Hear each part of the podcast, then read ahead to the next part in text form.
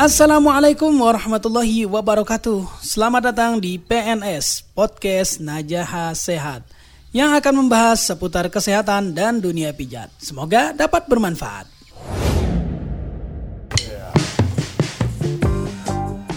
Beberapa hari ini Najaha Sehat sering kedatangan tamu atau pasien yang mengeluhkan demam,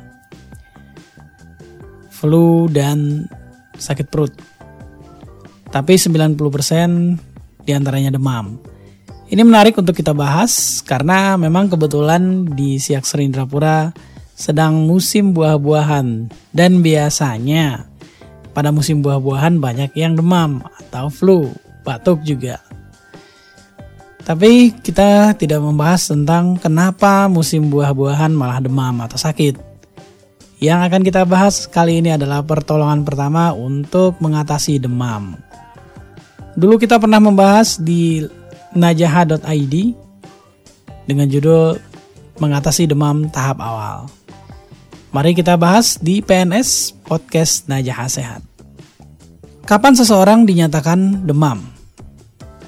Orang akan dinyatakan demam apabila suhu tubuhnya melebihi dari 38,7 derajat Celcius atau 101,7 Fahrenheit.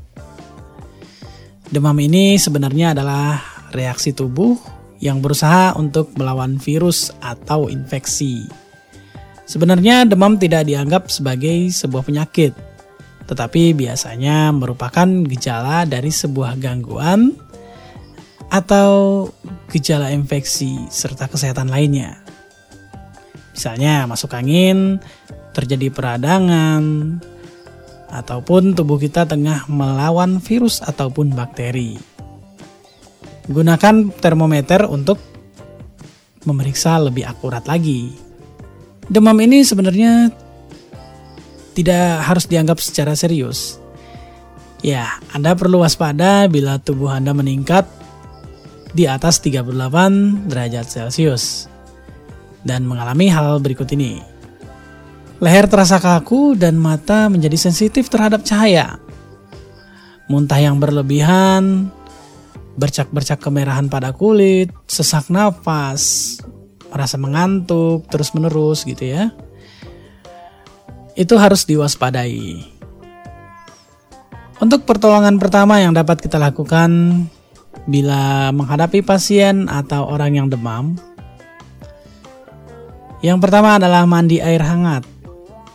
Sarankan pasien atau Anda yang mengalami demam, mandilah dengan air hangat. Karena pori-pori kita akan membesar dan tentunya membantu mengeluarkan panas dari dalam tubuh kita. Yang kedua, perbanyaklah minum air putih.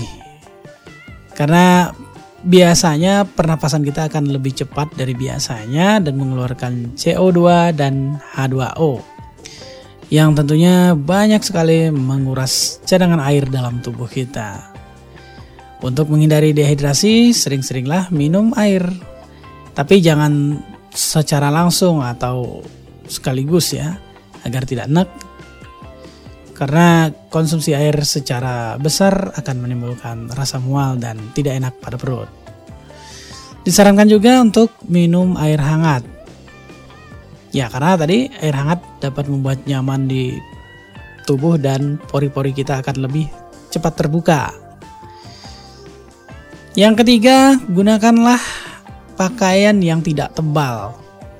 Nah ini sering sekali kita temukan orang bila mengalami demam atau tidak enak badan itu berselimut tebal atau menggunakan jaket.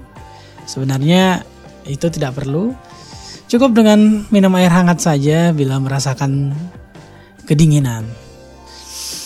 Yang keempat, kompres ke seluruh bagian tubuh.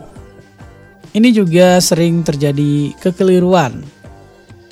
Karena biasanya orang mengompres itu di bagian kening saja ya. Pengompresan akan lebih efektif bila dilakukan pada bagian-bagian seperti kening, punggung, belakang leher, lengan bagian atas, paha dan telapak kaki. Dengan pengkompresan seperti ini, panas akan lebih cepat turun dan juga jangan menggunakan air dingin. Kembali kita menggunakan air hangat untuk mempercepat terbukanya pori-pori kulit. Yang kelima, istirahatlah dengan cukup. Mungkin Anda kelelahan hingga membutuhkan istirahat yang cukup dan disarankan beristirahatlah pada tempat atau suhu ruang yang sejuk dan tenang agar pikiran kita jadi lebih baik lagi dan tentunya lebih jernih kembali. Itu saja yang dapat kita sampaikan di PNS kali ini. Bila masih terasa panas dan malah tambah meningkat, sebaiknya perlu pemeriksaan lebih lanjut. Apalagi di musim COVID-19 ini ya Ya, mudah-mudahan kita semua terhindar dari virus yang berbahaya ini dan kalaupun demam itu adalah demam biasa. Sekian dulu PNS. Saya akhiri dengan bilahi taufik wal hidayah. Wassalamualaikum warahmatullahi wabarakatuh.